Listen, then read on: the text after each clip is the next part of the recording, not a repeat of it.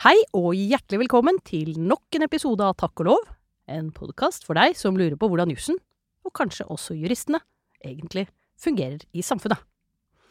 Temaet i dag er samerett. Vi skal snakke om hva urfolk egentlig er for noe. Om samerett 101, som det heter på godt norsk. Samenes rettssikkerhet i norske domstoler. Og om svaret på forholdet mellom utbygging og samiske rettigheter er blowing in the wind eller ikke. Vi kommer tilbake til dette. Med oss er, har vi vært så heldige å få eh, lagdommer Susann Funderud Skogvang fra Hålogaland lagmannsrett. Velkommen hit, Susann. Tusen takk, Anine. Veldig hyggelig å ha deg her. Hyggelig å bli invitert hit. For de som ikke, mot formodning, ikke kjenner til deg fra før, så kan vi altså si at du har en uh, doktorgrad fra 2012. Ja, du er lagdommer i Hålogaland. Hvor lenge har du vært det nå? Snart åtte år. Ja. Du er ekspert på samerett. Forsket, undervist, holdt foredrag, holder på med dette innenfor menneskerettigheter og folkerett, og da særlig uh, urfolksrettigheter, samiske rettigheter. Ja, det Stemmer det? Ja. Det stemmer. Det har jeg jobba med i 25 år nå. Men du har også holdt på med fiskerirett og statisk tingsrett. I, mm, i eh, huskelappen min så står det at det står ditt hjerte nær. Det gjør det. Ja. Veldig få har forstått hvor spennende statisk tingsrett er. Ja, altså jeg vil jo da bare håpe at alle våre ikke-jurister blant lytterne våre straks slår opp dette og lar seg fascinere. Vi kommer sikkert tilbake til det i en senere episode. Um, vi pleier jo for å, hva skal vi si, skape en litt myk start, og introdusere gjestene våre med en, en fun fact, eller språk, språkråd tilpasset form, så er jo det et artig faktum, sånn som vi har oversatt iallfall. Og der har jeg fått ganske mange, men jeg tenkte jeg skulle kombinere to av dem. Eh, vi har nemlig fått høre at du elsker luksus, champagne, fine vesker og fine sko. Og at du skal gå Finnmarksvidda på langs i april. Hvordan får du disse to tingene til å henge sammen? Det går helt fint. Et menneske kan være så mangt, og det kan være en stor bredde i ting. Jeg elsker det nøkterne og forholdet til naturen, men uh, unner meg litt eh, luksus òg etter hvert. Og det har kanskje med at det ikke var så mye luksus når jeg vokste opp. Ja, Jeg gjør. Ditt, da forelsket du deg helt i luksus. Eller var det, tenkte du på det allerede da, eller er det sånn eh, fordi du ikke hadde tenkt på det, så ble det helt overveldende gøy da du hadde muligheten? Det var nok det siste. Det siste, ja. ja. Em, fått eh, beskjed av eh, en som da kjenner deg godt, at uh, du pleide å unnskylde deg med at du hadde så små føtter at du måtte kjøpe de få skoene du kom over. Det viste seg å bli ganske mange etter hvert. Uh, Ja. Min mann tror ikke lenger på den eh, historien, for å si det sånn. Nei, hvor lenge har dere vært gift nå? Par og tyve år. Det, og det er et par år siden han fant ut av dette? Ja, noe eller? sånt. Ja, ok, jeg skjønner. Ja ja, nok eh, vrøvl og fjas og, og morsom eh, bakgrunn.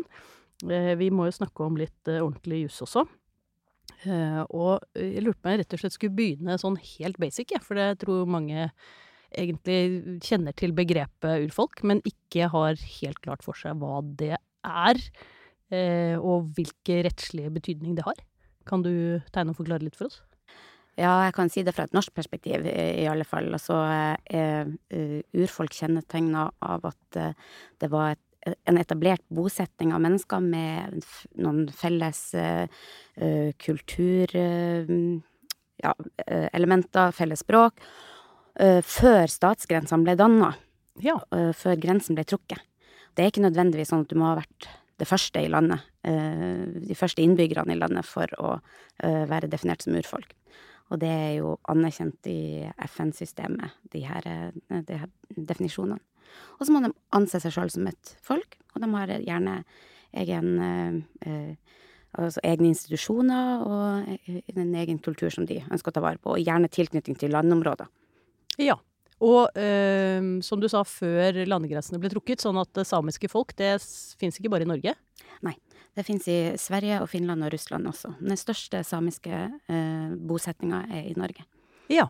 Hvor, eh, holdt jeg på å si noe cirka prosentandel, da? Er det Eh, nærmere 80 Å oh, ja, såpass, ja. Mm, mm. Ja, ok. Stor eh, majoritet der. Mm. Skjønner. Um, og så er det jussen. Du nevnte at dette er anerkjent i FN-systemet. Ehm, men samerett, er det bare folkerett, eller er det flere ting enn det? Nei, eh, samerett er jo eh, Jeg bruker å si at det består av tre ulike elementer. Det er altså norsk rett som anvendes på samer, må tilpasses den samiske befolkninga i Norge. Og så er det de folkerettslige elementene som gir et særskilt vern for urfolk. Og så er det den samiske retten, altså samene sine egne sedvaner. Ja. Og, og, og selvbestemmelsesretten de har på enkelte områder. Hvis vi starter med det siste. eh, det, jeg skjønner at det er sedvaner. Det er, er, det, er noe av det skrevet ned, eller er alt eh, skikk og bruk, holdt jeg på å si? Altså, den samiske kulturen har jo, er jo en eh, muntlig kultur primært, og det er veldig lite som er nedskreven av det. Men det er en del sedvane. En del sedvanebasert, ja. Det handler jo om, eh, særlig om bruk av naturen. eh, og tilknytning til naturen. Og så er det jo slektstradisjoner, eh, rett til å utnytte naturen, måter å utnytte naturen på. Det kan være forholdet til, til kanskje det åndelige. det er Ja. en, del, en del sånne ting som kanskje man ikke helt forstår Altså det kan være dokumentasjon på tilstedeværelse som eh, utgjør bevis som vi ikke er så kjent med å bruke eh, i norsk eh, Kan du, tankegang, har, har du noe eksempel? Joik, for eksempel. Ja. Joik. Hvilken rettslig betydning kan joik ha? Ja, det er jo veldig eh, uavklart, men det kan jo eh, si noe om eh, hvem som har brukt en plass, hvis, hvis man lurer på retten til bruk av en fiskeplass, for eksempel. Så kan, eh, kan en joik eh, gi For- hjelp til det. For hva er en joik? Forklar det bare kort. Eh, ja, eh, hvis jeg skal sammenligne joik og sang, så sang så synger man gjerne om noe eller om eh, noen. Ja. Mens med en joik så joiker man det. Man joiker en ting, man joiker et sted, man joiker en person. Oh, ja. Eh, Ok, så det er ikke Ja. refererende, det er en direkte det er talehandling i praksis, egentlig. ja. Ja, Jeg fikk en joik til disputasen min, og da eh, er det sånn at det er jeg som eier, eier den. Det er jo det er fantastisk. Opphavspersonen eier ikke den, eh, men det er min joik. Ja. Han Dette er- meg. Han joiket deg. Mm. Det er sånn, ja ok. Er, nå er det mye nytt for meg. Dette er veldig, dette er veldig innsiktsgivende. Men um, åndelige dimensjoner, ja. Det, jeg fikk sånn det som poppet opp i bakhodet mitt, var forskjellen på naturrett og positivrett. Men eh, det tror jeg ikke er helt sammenlignbart. Men jeg skjønner at det da, fordi mye er knyttet til kultur og tradisjon, og en del av den har noen åndelige sider, så kan det også ha rettslige funksjoner eller virkninger. Det kan det. Ja. Og for urfolk rundt omkring i verden så er det jo hellige steder er jo, eh, er jo spesielt eh, verdsatte. Eh, og ofringsplasser, for eksempel. Å ja, kan det ha betydning for muligheten til eiendomsoverdragelser eller inngrep eller sånne ting? Det, Da, eller? det er eksempel fra Canada på at urfolk har fått, fått rett basert på det. Ø, ø, husker du sånn, hvis du kan tegne og beskrive for oss, bare? Ja, Delgamuk-saken fra 1997, eh, det er kanadisk høyesterett som eh, Og da er det et fjell eller et sted? Det er eller? et sted. Ja. Ja, et område. Et område? ble- ja, Hvor kanadiske myndigheter hadde lyst til å gjøre et eller annet, og fikk ikke det, eller? Eh, Det var vel inngrep i området det var, altså, det var snakk om, men Ja. da, ble, eh, da ble altså de her eh, historiene og fortellingen og den, eh, det forholdet til naturen som ikke var nedskrevet noen plass, eh, men det ble vektlagt.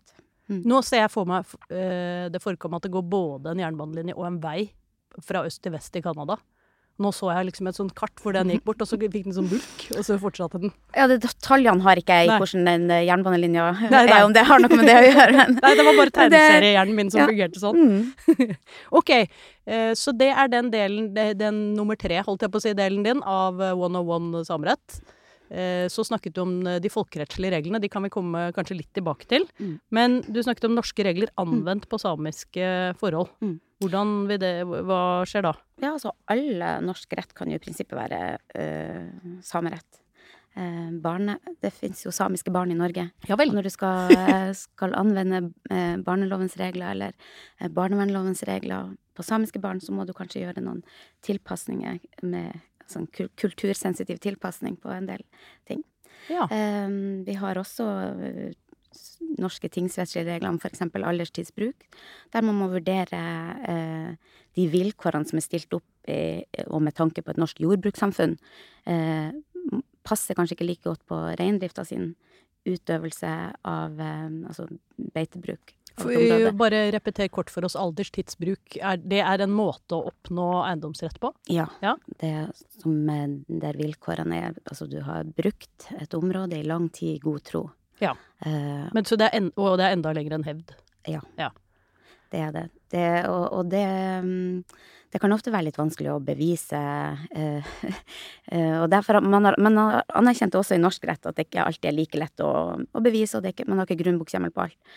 Men når man skal anvende det på samiske forhold, så er det jo veldig få gjerder, og det er veldig få spor i naturen. Ja. eh, og sånne ting som kunne være enkle å bevise eh, tilstedeværelse. Ellers var det noen steingjerder og ting du kunne Det grave kunne opp? være og, det. Og sammen med den gode troa. Altså eh, når eh, I Svartskog-saken, for eksempel. hvis- Hva gikk Svartskog-saken ut på? Ja, det var et utmarksområde i, faktisk i min hjembygd, Manndalen i Kåfjord i Nord-Troms. Ja. Eh, øverst i dalen så var det et område som ble brukt av alle som bodde i bygda, eh, på ulik måte. Ja.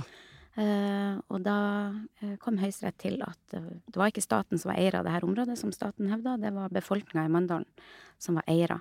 Selv om de bare hadde snakka om bruk og bruksrett. Fordi at på samisk er det ikke noe ord for å eie. Så det står i Høyesterett sin dom at hadde en tilsvarende bruk vært eh, gjort av norske, et sted med norsk befolkning, så hadde det ikke vært tvil om at det var eiendomsrett de mente å ha til det området. Akkurat. Er det noen flere eksempler på måter Um, Hva skal vi si eh, Det er gjelder jo kanskje særlig eiendomsforhold, eller muligheten for å regulere bruk av eiendom, da. Uh, hvor samiske bruk, samisk bruk eller kultur eller et eller annet påvirker måten regler blir brukt på, som, er, som gjør at utfallet av saken blir annerledes enn det det ville vært hvis det var ikke-samer som Ja. hadde brukt det. Det har vi flere, flere eksempler på. Det har, vi har jo vært um, en utvikling i rettspraksis, særlig på reindriftsretten sitt uh, område. Ja, der det har vært Bare kan ikke du få kort For reindrift, det er sånn Selvsagt eh, er det en samisk Ja. kultur. Hva, hva, går det, hva går reindrift egentlig ut på? Reindrift, altså den tamreindrifta som drives i, i Norge, er jo ganske spesiell, der, der det er folkene som følger etter reinen, og ikke omvendt. Og det er veldig arealkrevende eh, drift, og krever ulike typer altså beitegrunnlag. Mm. Altså på vinterbeite er det lav, og så på sommerbeite går man og spiser man grønt gress, da. Men fra å gå til å spise lav til grønt gress, så må man spise masse andre ting for å vende Magen til? magen oh, ja. til eh, den sommerdietten, da. Og så er det likedan når man skal gå tilbake. Så derfor er det så er det ikke sånn at ja, men de har jo så store arealer, det holder ikke med den beite de har. Hvis det er akkurat et sårbart eh, område, en overgangs, eh, et overgangsbeite, eller især vinterbeite, som er det mest kritiske for reindrifta. Ja, og det er det da fordi det er selvfølgelig lite mat å finne om vinteren. Og da Mm. må det være steder hvor det er mulig å komme frem til laben. Ja. Så hvis det er for mye snø, så går det ikke. Og hvis det er for lite snø, så fryser alt til, kanskje? Det er helt riktig. Ja. Bra. OK, Så, takk! og så er Klart det jo nå. sånn at det reindriftsområdet er jo nesten altså Det går- jo helt ned til, langt ned i Hedmark. Så det norske Ja. eh, reinbeiteområdet er veldig stort. Det er jo, Mm. det må vi få med oss, for det er jo lett å tenke at uh, reindrift er noe som skjer uh, nord i landet. Mm. Men det skjer altså ganske langt syd, helt til Hedmark. Ja, Forbi Røros. Forbi Røros, ja. Mm. Det er langt. Mm. Men um, rettssikkerhet, samiske forhold i norske domstoler, er norske jurister gode nok på samerett og disse spesielle hensynene som gjør seg gjeldende, til å ivareta samiske rettigheter på en god måte? Eh, generelt sett så lærer jo norske jurister veldig lite om eh, samerett. Eh, det må jo sies. Ja. Det er obligatorisk for alle som studerer i Tromsø, og det har det vært i, siden oppstarten av Men Universitetet i Tromsø. Vi andre jurister, vi trenger ikke det? Det, det, det er de som eh, styrer fagplanene på universitetene i Bergen og Oslo, har bestemt at det ikke Nå jeg meg har vært nødvendig. Men i Oslo har det vært valgfag i veldig mange år. Ja. Eh, sånn at der er det jo Og så er det også trukket inn, jeg vet, i tingsrettsbehandlinga der så er det mm, trukket inn eh, samerettslige spørsmål, og også i menneskerettighetsspørsmål. Men eh, jeg vil jo si at den, den samiske dimensjonen, altså det er samisk rett, og de særlige folkerettslige elementene, og kompetanse om den samiske kulturen eh, er nok ikke god nok eh, blant norske jurister. Det må, det må Ja, for det høres ut som det egentlig er to utfordringer her. Det er både å um, det er jo for så vidt et generelt problem, iallfall så lenge man studerer, da. Det er jo at faktum er gitt. Mm. Når du kommer ut i verden, så er jo faktum aldri gitt. Det er jo Mm. der uh, de rare tingene oppstår. Um, sånn at man må i grunnen både forstå noe om den samiske kulturen, og så må man i tillegg kjenne til de tre elementene som du nevnte som går inn i sameretten, men, men hvor det vi lærer jo er eh, altså folkerett og menneskerettigheter. Vi Kan komme litt tilbake til hvordan, de, eh, hvordan samiske rettigheter er ivaretatt der. Men mm, det er jo fag som er ikke sånn kjempestore, og som skal dekke over ganske mye. Så da blir Mm. kanskje dette ikke så fremtredende. Ja, og opplever jo ofte at mange tenker at det er ikke relevant for meg. Jeg vil heller ha mer om skatterett og Ja. arbeidsrett, og jeg skal bli forretningsadvokat, jeg trenger ikke å lære noe om det her. Nei, det eh, skal vi straks komme tilbake til, og det holder ikke. Hvis man f.eks. representerer utbyggere. Mm. For eksempel. Ja. Ja, Utfordringa er jo at uh, man ikke har kompetanse om den samiske kulturen. Så hvis du har uh, en, en samisk sedvane som påberopes, så forstår du ikke betydninga av den sedvanen nødvendigvis uten å se et større bilde. eh, og se på hvorfor er, må det gjøres på akkurat denne måten på akkurat dette tidspunktet. eh, hvorfor eh, Hvorfor kan man ikke avlive rein i 40 minus med, altså, med ordinær slaktemaske som er tillatt i, i, i norsk uh, jordbrukssammenheng, eksempel? Hvorfor Den- kan man ikke det? Den virker ikke i 40 Nei. Det er, da er det dumt. Ja. Ja. Sånn at uh, ja, det er noe med å forstå Ja. at det ikke er alle norske regler som passer på, um, på samiske forhold. Og da må man vite litt mer om det. Og avliving av rein til eget bruk, for eksempel, har jo vært et sånt tema. Som Ja, fordi da det fins etter hvert masse EU-regler sikkert for hvordan eh, slakt skal foregå. Ja, og nå har vi i Norge et sånt unntak faktisk på det, Ja. som tillater eh, Og EU tillater også til seremonielle eh, anledninger av avliving på den måten. Men det, der bruker man kr krumkniv primært, da. Hvor, hvordan fungerer det i praksis? Kan du Ja, det er en sånn eh, krumma kniv som man ja. kutter Du av stikker dem i nakken, ja, eller? Ja, og bedøver dem Ja, eh, umiddelbart, da, for eksempel. Og så eh, er det det med barneoppdragelse, for eksempel, at det kan fremstå som altså, fremmed. eh, en, del, en, en del elementer i samisk barneoppdragelse. Er det barnets beste å være ute i minus 40, er det sånn? Er det barnets beste å bli skremt bort til å holde seg unna elva, for eksempel? Og, ah, sånn, ja. så er det, Ja, ja. og hvordan kompenseres uh, det i, i, en, i, en familie? Sånn at Dette, eh, nå skjønner jeg hva Sånn du at det mener. Man må vite litt mer, og også om reindrift. Man må vite det der jeg snakka om i sted, med de ulike typer beite. Fordi at anatomien til reinen eh, skal tåle å få maten. Da kan man ikke hoppe rett fra, fra lav til grønt gress. Nettopp. Mm. Nå- hjernen min begynte å stille sånne prosessuelle spørsmål her nå, for det du snakket om eh, en del av de sedvanene som ledd i den samme sameretten. Men er dette bevisspørsmål, eller er det rettsspørsmål? Ja, det er et veldig godt spørsmål. Eh, det er jo um, eh, Jeg mener jo at det er rettsspørsmål. Ja. ja. Men, men da tillater du ikke bevis om dem, da? Mm? da? I utgangspunktet så tillater man jo ikke bevisførsel om rettsspørsmål. Men vi må jo belyse det på en eller annen måte, siden de norske dommerne og, ikke kan Ja, ja. så mye om det. Så må man eh, For det er en mulighet. Mm. Hvordan er dette, Nå husker jeg ikke hvordan det ble i nytvistloven, men det er noen mulighet for å ha eh, bevisførsel om Sakkyndighet om det. Ja. Det kan man ha. Ja. Mm. Og det er ofte, leveres ofte utredninger, sakkyndige utredninger i denne type saker. Det tror jeg jeg hadde satt pris på Mm. hvis jeg skulle pådømme en sånn sak, iallfall. Det gjør jeg når jeg har sånne saker også. Enda du kan så mye! Jeg kan, jeg kan ikke alt om, eh, om sam, samiske forhold heller. Nei. Og jeg er ikke vokst opp i en reindriftskultur, men har lært masse med å vise interesse for det, da. Ja, det kan Mm. jeg tenke meg. Eh, det er en del eh, rettssaker som gjelder samiske forhold i norske domstoler. Du har nevnt noen allerede. Er det en tendens til at det er flere av dem? At man blir mer oppmerksom på disse spørsmålene? Blir, eller er det kanskje bare en generell rettsliggjøring som gjør at det kommer flere saker opp for domstolene? Jeg vet ikke. Jeg vet ikke hva grunnen er, men Sammen, har, eh, sammen i Norge har eh, prins, altså primært ønska å få til løsning gjennom politiske forhandlinger. Så det har, Ja. de har ikke vært en sånn, et sånn rettssøkende eh, folk som har gått til domstolene for å få gjennomført sine rettigheter. Det har vært mye innenfor reindrifta, har det vært, for der, de kommer ofte i konflikt med andre interesser som eh, eh, vindkraft, for eksempel, strømkraftledningsbygging Ja. hyttebygging, veibygging, eh, flyplassanlegg osv. osv. Så, videre. og så der har det vært flest saker historisk sett. Og da mener du at det tidligere var mer forhandlingsbasert? At man var uh, mer holdt jeg på å si, utenom rettslig løsningsorientert? Sikkert med noen rettsregler i bunn, men, men det er i økende grad blitt rettsliggjort? Er det fordi man har blitt mer klar over disse rettighetene, eller fordi man møter mer motstand, eller vet du noe um, det, det, er ikke godt å si hva Og det er Nei. mange teorier om hva årsaken er. Men, uh, men uh, det er jo undersøkelser som viser at den samiske befolkninga har lavere tillit til norske domstoler enn uh, befolkninga for øvrig.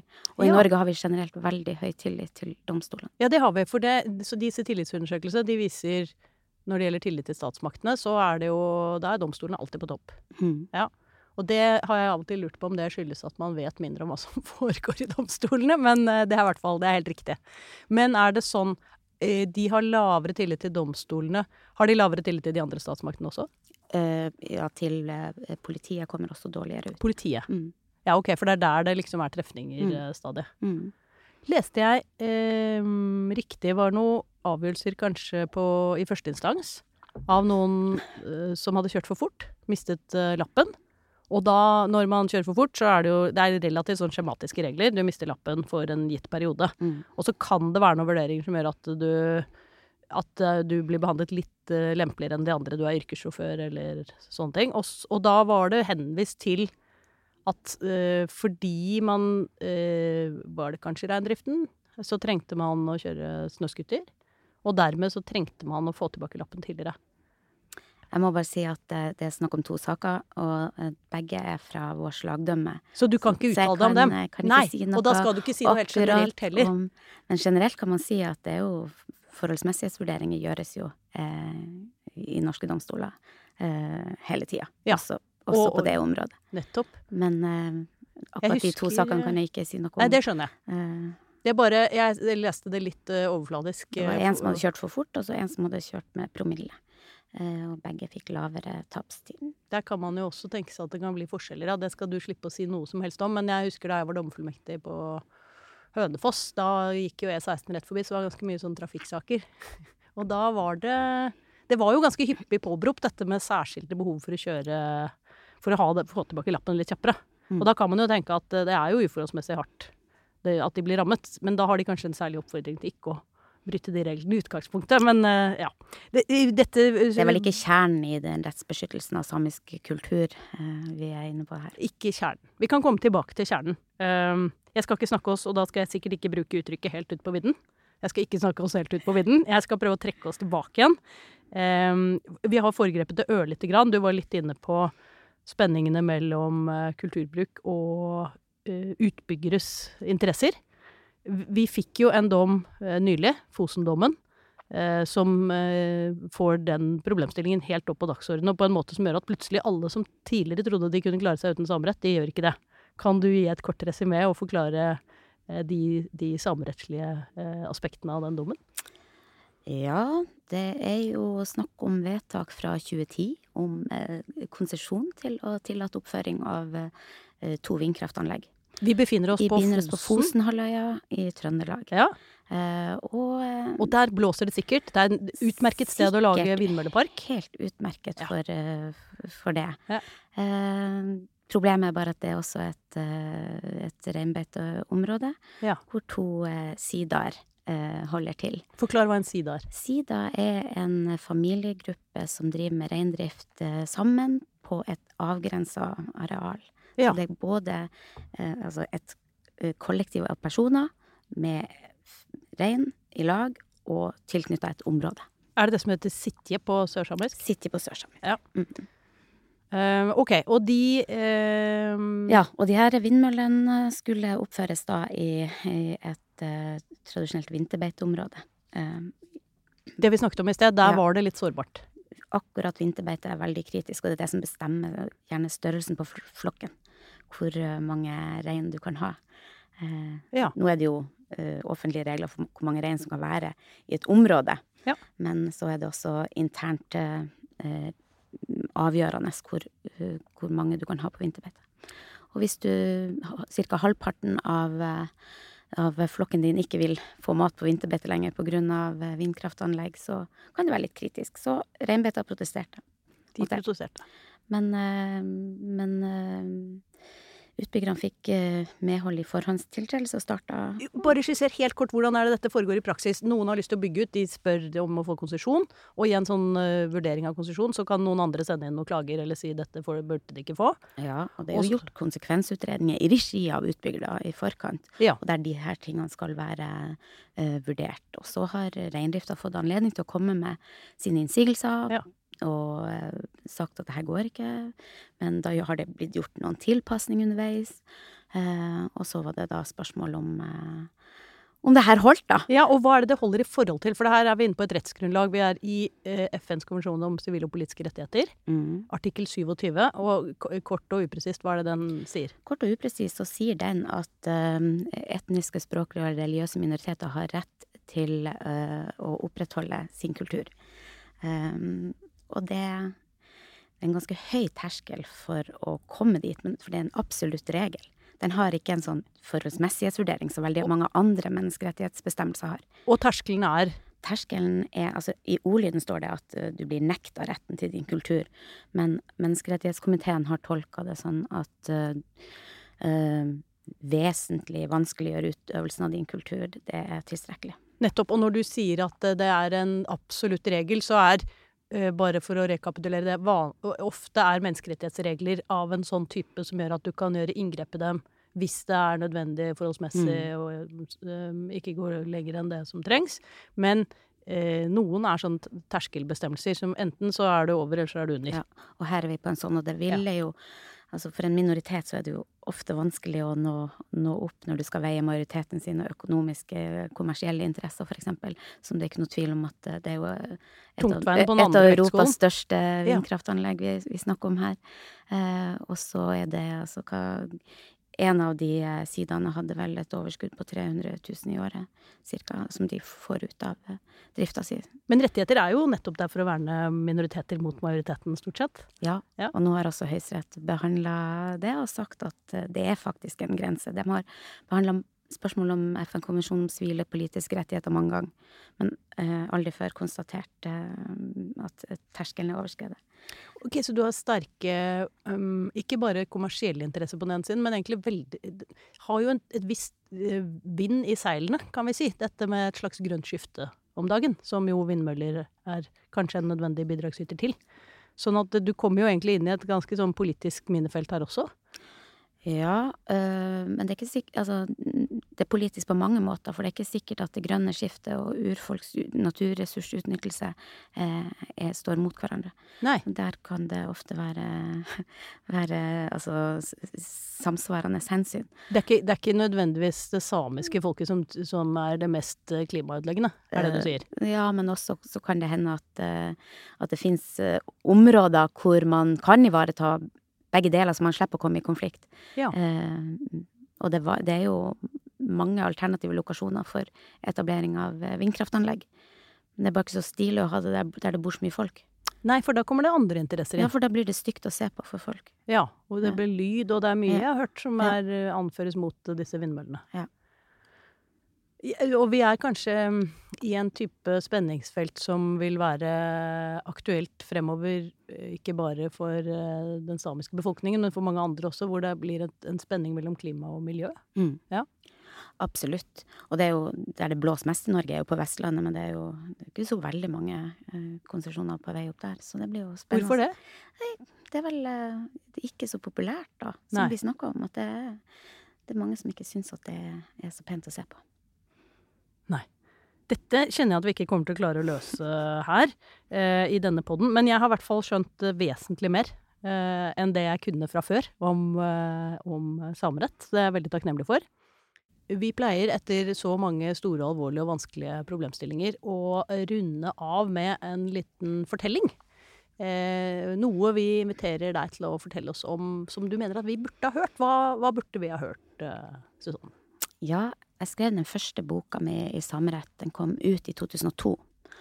Men det var ikke en doktorgrad. Det var, det var, bare behov for å skrive en sånn bok. Det fantes ikke. Så den kom ut i 2002. I 2007 satt jeg og skrev doktorgrad om noe helt annet. Om retten til fiske i fjorder og kystnære farvann. Og så ble jeg kjent med uh, en doktorgrad, en tysk doktorgrad. Um, Og det var mange ulike tilfeldigheter som gjorde at jeg ble kjent med den. Men eh, jeg begynte nå å bla i den, og, og eh, til min store overraskelse så var det altså mer eller mindre en oversettelse av den første boka jeg skrev i samerett. Den var oversatt til tysk og levert som doktorgrad eh, i det var Veldig praktisk, for det kan ofte være mye jobb med de doktorgradene ellers. Det var akkurat det det var, og eh, vedkommende fikk doktorgrad på det, og fikk førstestillingskompetanse på et universitet i Norge med den, det arbeidet. Um, uh, det føltes litt urettferdig for meg som ikke hadde doktorgrad.